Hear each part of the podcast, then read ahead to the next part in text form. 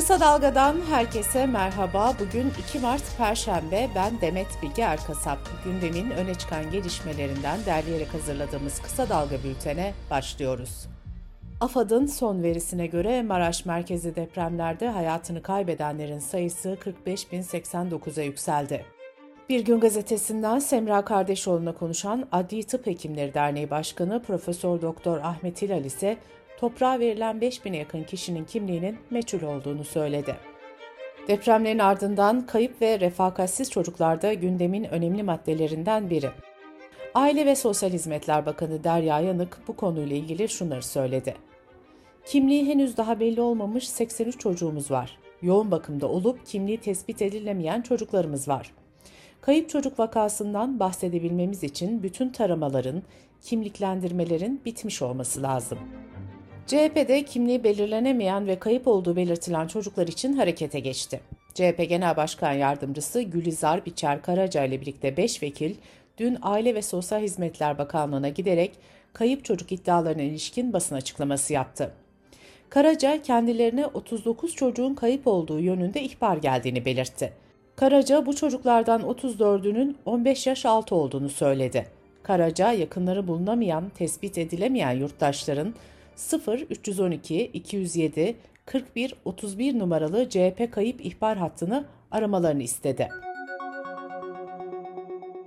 CHP Kadın Kolları Başkanı Aylin Nazlı Aka ise deprem bölgesindeki kayıp çocuklarla ilgili hükümetten gelen açıklamalara inanmadıklarını söyledi. Nazlı Aka, Bakan Derya Yanık'a şu soruları yöneltti. Kaç kayıp çocuğumuz var? Bu çocuklar hangi cinsiyetten, hangi yaş grubundan? İllere göre dağılımı nedir? Bu çocuklar içinden kaçı ailelerine teslim edildi? Göçük altından çıkarılan çocukların hastane kayıtları nasıl tutuldu? Bu çocuklar hangi hastanede tedavi altına alındı? Ahbap Derneği'nin kurucusu Haluk Levent de konuyla ilgili bir mesaj yayınladı. Haluk Levent Twitter'da bir mesaj paylaştı ve çocuklarını bulamayan aileler bu tweetin altına isim ve adres bilgisi yazsın çağrısı yaptı. Öte yandan Aile ve Sosyal Hizmetler Bakanlığı depremin ardından 319 binden fazla kişinin koruyucu aile başvurusu yaptığını duyurdu. Birleşmiş Milletler Çocuklara Yardım Fonu ise bölgede incelemelerde bulundu ve 2,5 milyon çocuğun acil insani yardıma muhtaç durumda olduğunu açıkladı. Depremlerden sonra ertelenir mi, ertelenmez mi tartışmaları yapılan seçimlerle ilgili durum netleşti. Cumhurbaşkanı Erdoğan seçim tarihi olarak 14 Mayıs'ı işaret etti. Erdoğan muhalefete eleştirdiği konuşmasında bu millet inşallah 14 Mayıs'ta gereğini yapacaktır. Böyle kuru sıkı atanlara prim vermeyecektir dedi. Millet İttifakı olarak seçime girmeye hazırlanan altılı masada yer alan siyasi partilerin liderleri Cumhurbaşkanı adayını belirlemek üzere bugün Saadet Partisi Genel Başkanı Temel Karamollaoğlu'nun ev sahipliğinde bir araya gelecek. Masa adayı belirlese de açıklamayacak. Adayın Mart'ın ortalarına doğru büyük bir toplantıyla açıklanması bekleniyor. Ankara kulislerinde CHP Genel Başkanı Kemal Kılıçdaroğlu'nun adı öne çıkıyor. Ancak İyi Parti'de Mansur Yavaş ve Ekrem İmamoğlu üzerinden de adaylık konuşmaları yapılıyor. BBC Türkçe'den Ayşe Sayın'ın aktardığı kulis bilgisine göre bu isimler üzerinde uzlaşma olmaması halinde çok düşük olasılık da olsa dördüncü bir ismin tartışılabileceği de konuşuluyor.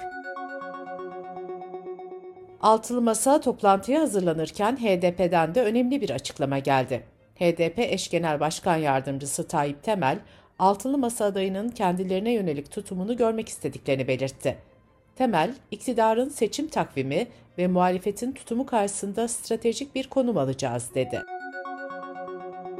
Fenerbahçe'nin geçen cumartesi günü Konya Spor'la Kadıköy'de oynadığı maçta hükümet istifa sloganları atılmıştı. Bir gün sonra Beşiktaş tribünlerinden de aynı sloganlar yükselmişti. Tribünlere tepki gösteren MHP lideri Bahçeli maçların seyircisiz oynanmasını istemişti. Fenerbahçe'nin 4 Mart'ta Kayseri'de oynanacak maçına Fenerbahçe taraftarının alınmayacağı açıklanmıştı. Bu karara tepkiler sürerken 5 Mart pazar günü oynanacak Beşiktaş MKE Ankara gücü karşılaşmasına da siyah beyazlı taraftarların alınmayacağı açıklandı. Bu arada Fenerbahçe Spor Kulübü yürütmenin durdurulması için yargıya başvuracağını duyurdu. Türkiye depremleri konuşurken kapıda bir de kuraklık tehlikesi var. İstanbul'da barajların ortalama doluluk oranı %35 olarak açıklandı. Boğaziçi Üniversitesi'nden Profesör Doktor Levent Kurnaz, bu yazın geçen 3 yaza göre daha sıcak geçeceğini söyledi. İSKİ Genel Müdür Yardımcısı Bülent Solmaz ise tarihimizin en az yağışını aldığımız dönemini yaşıyoruz dedi. Solmaz şöyle konuştu. Bu dönemi su kesintisi yaşatmadan atlatmaya çalışıyoruz. Yaz dönemi için ortalama günlük 3 milyon metreküpe yakın bir suya ihtiyacımız var. Minimum yağışlara göre yaptığımız simülasyonlarda bu yaz dönemini problemsiz atlatacağımızı hesaplıyoruz. Dünyada birçok ülkenin yasakladığı TikTok'a Türkiye'den de ceza çıktı. Kişisel Verileri Koruma Kurulu TikTok'a 1 milyon 750 bin lira para cezası verdi. Cezanın gerekçesi ise çocukların kişisel bilgilerinin görüntülenmesi ve izinsiz veri toplanması. TikTok dünya genelinde verilere Çin devletinin ulaşmasına izin verdiği iddiasıyla eleştiriliyor. Şirket bu iddianın doğru olmadığını savunuyor. Kısa Dalga Bülten'de sırada ekonomi haberleri var. Depremlerin ardından çalışmalarına 3 hafta ara veren Türkiye Büyük Millet Meclisi önceki günkü ilk çalışma gününde emeklilikte yaşa takılanlarla ilgili yasa teklifini görüştü. Teklifin emeklilikle ilgili hükümleri meclise sunulan haliyle aynen kabul edildi. Yasanın kabulünden sonra çok sayıda yurttaş maaş başvurusu yapınca SGK'dan resmi gazeteyi bekleyin yönünde açıklama geldi. Çalışma Bakanı Vedat Bilgin de ilk maaşların Nisan ayında verileceğini söyledi. Türk İş 2023 Şubat ayı açlık ve yoksulluk sınırı araştırmasının sonuçlarını açıkladı. Araştırmaya göre açlık sınırı 9425 lira oldu. Yoksulluk sınırı ise 30.700 liraya çıktı. Bekar bir çalışanın yaşama maliyeti aylık 12.265 lira olarak hesaplandı. Uluslararası Kredi Derecelendirme Kuruluşu Moody's aralarında Türkiye'nin de olduğu birçok G20 ekonomisi için büyüme tahminini yükseltti. Moody's Türkiye ekonomisinin bu yıla ilişkin büyüme tahminini 2'den %2.3'e yükseltti. Dış politika ve dünyadan gelişmelerle bültenimize devam ediyoruz. Finlandiya parlamentosu NATO'ya katılım anlaşmasını kabul etti. Parlamentonun 200 milletvekilinden 184'ü NATO anlaşmalarının kabul edilmesini ve NATO'ya katılımı öngören yasa tasarısını onayladı. Finlandiya ve İsveç, Rusya'nın Ukrayna'ya saldırmasının ardından NATO'ya üye olmak için başvurmuştu. Türkiye, İsveç'in üyeliğine karşı çıkarken Finlandiya'nın üyeliğine ise yeşil ışık yakıyor. Yunanistan'ın Tempi Vadisi'nde dün sabah meydana gelen tren kazasında en az 36 kişi yaşamını yitirdi. Filistinlilere desteğiyle bilinen Pink Floyd'un eski solisti Roger Waters'ın Almanya'da vereceği konser İsrail'in baskıları sonucu iptal edildi. Ünlü müzisyen, İsrail'in Filistinlilere yönelik politikalarını değiştirmesini savunan boykot, tecrit ve yaptırımlar hareketinin bir destekçisi. Waters ayrıca ABD ve İsrail'in politikalarına sert eleştiriler getiriyor. Sanatçı son olarak Rusya-Ukrayna savaşına da karşı çıkmıştı. Fransa'da emeklilik yaşının kademeli olarak 62'den 64'e yükseltilmesine karşı çıkan sendikalar 7 Mart'ta genel greve gitme kararı aldı. Emeklilik düzenlemesine karşı ülke çapında 19 Ocak'tan bu yana birçok kez grev ve protesto düzenlendi. Hükümet ise ülkeyi felce uğratmanın zamanı değil diyerek sendikaların aldığı karara tepki gösterdi. Bu arada Almanya'nın 6 eyaletinde de kamu çalışanları 3 Mart'ta iş bırakacak. Büyük Uyarı Grevi adı verilen grev, ülkede yapılması planlanan 200 gelecek için cumalar protestosuyla aynı gün olacak. Grev, yerel ve federal kamu sektörü üzerindeki toplu pazarlık baskısını artırmayı amaçlıyor.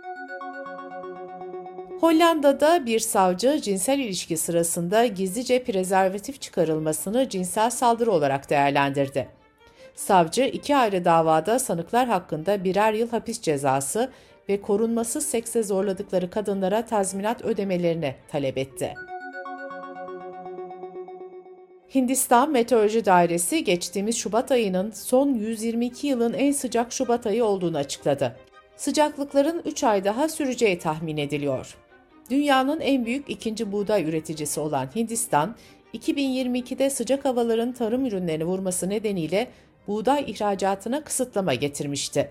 Sıcak hava dalgaları ülkedeki enerji ihtiyacını da arttırmış, geçen yıl bazı eyaletlerde elektrik kesintileri yaşanmıştı. Bültenimizi kısa dalgadan bir öneriyle bitiriyoruz. Çıkarılan imar afları neden bir ölüm fermanı gibiydi? Felaketten sonra televizyon ekranlarından inmeyen deprem haritasının gerçek anlamı ne? Haritanın 2018 seçimleri öncesinde Bakanlar Kurulu kararı olarak yayınlanmasının anlamı neydi? Gazeteci Ersan Atar'ın hazırlayıp sunduğu Nasıl Olduğunun bu bölümünde bu soruların yanıtlarını bulacaksınız. Nasıl Olduğu'yu kısa dalga.net adresimizden ve podcast platformlarından dinleyebilirsiniz.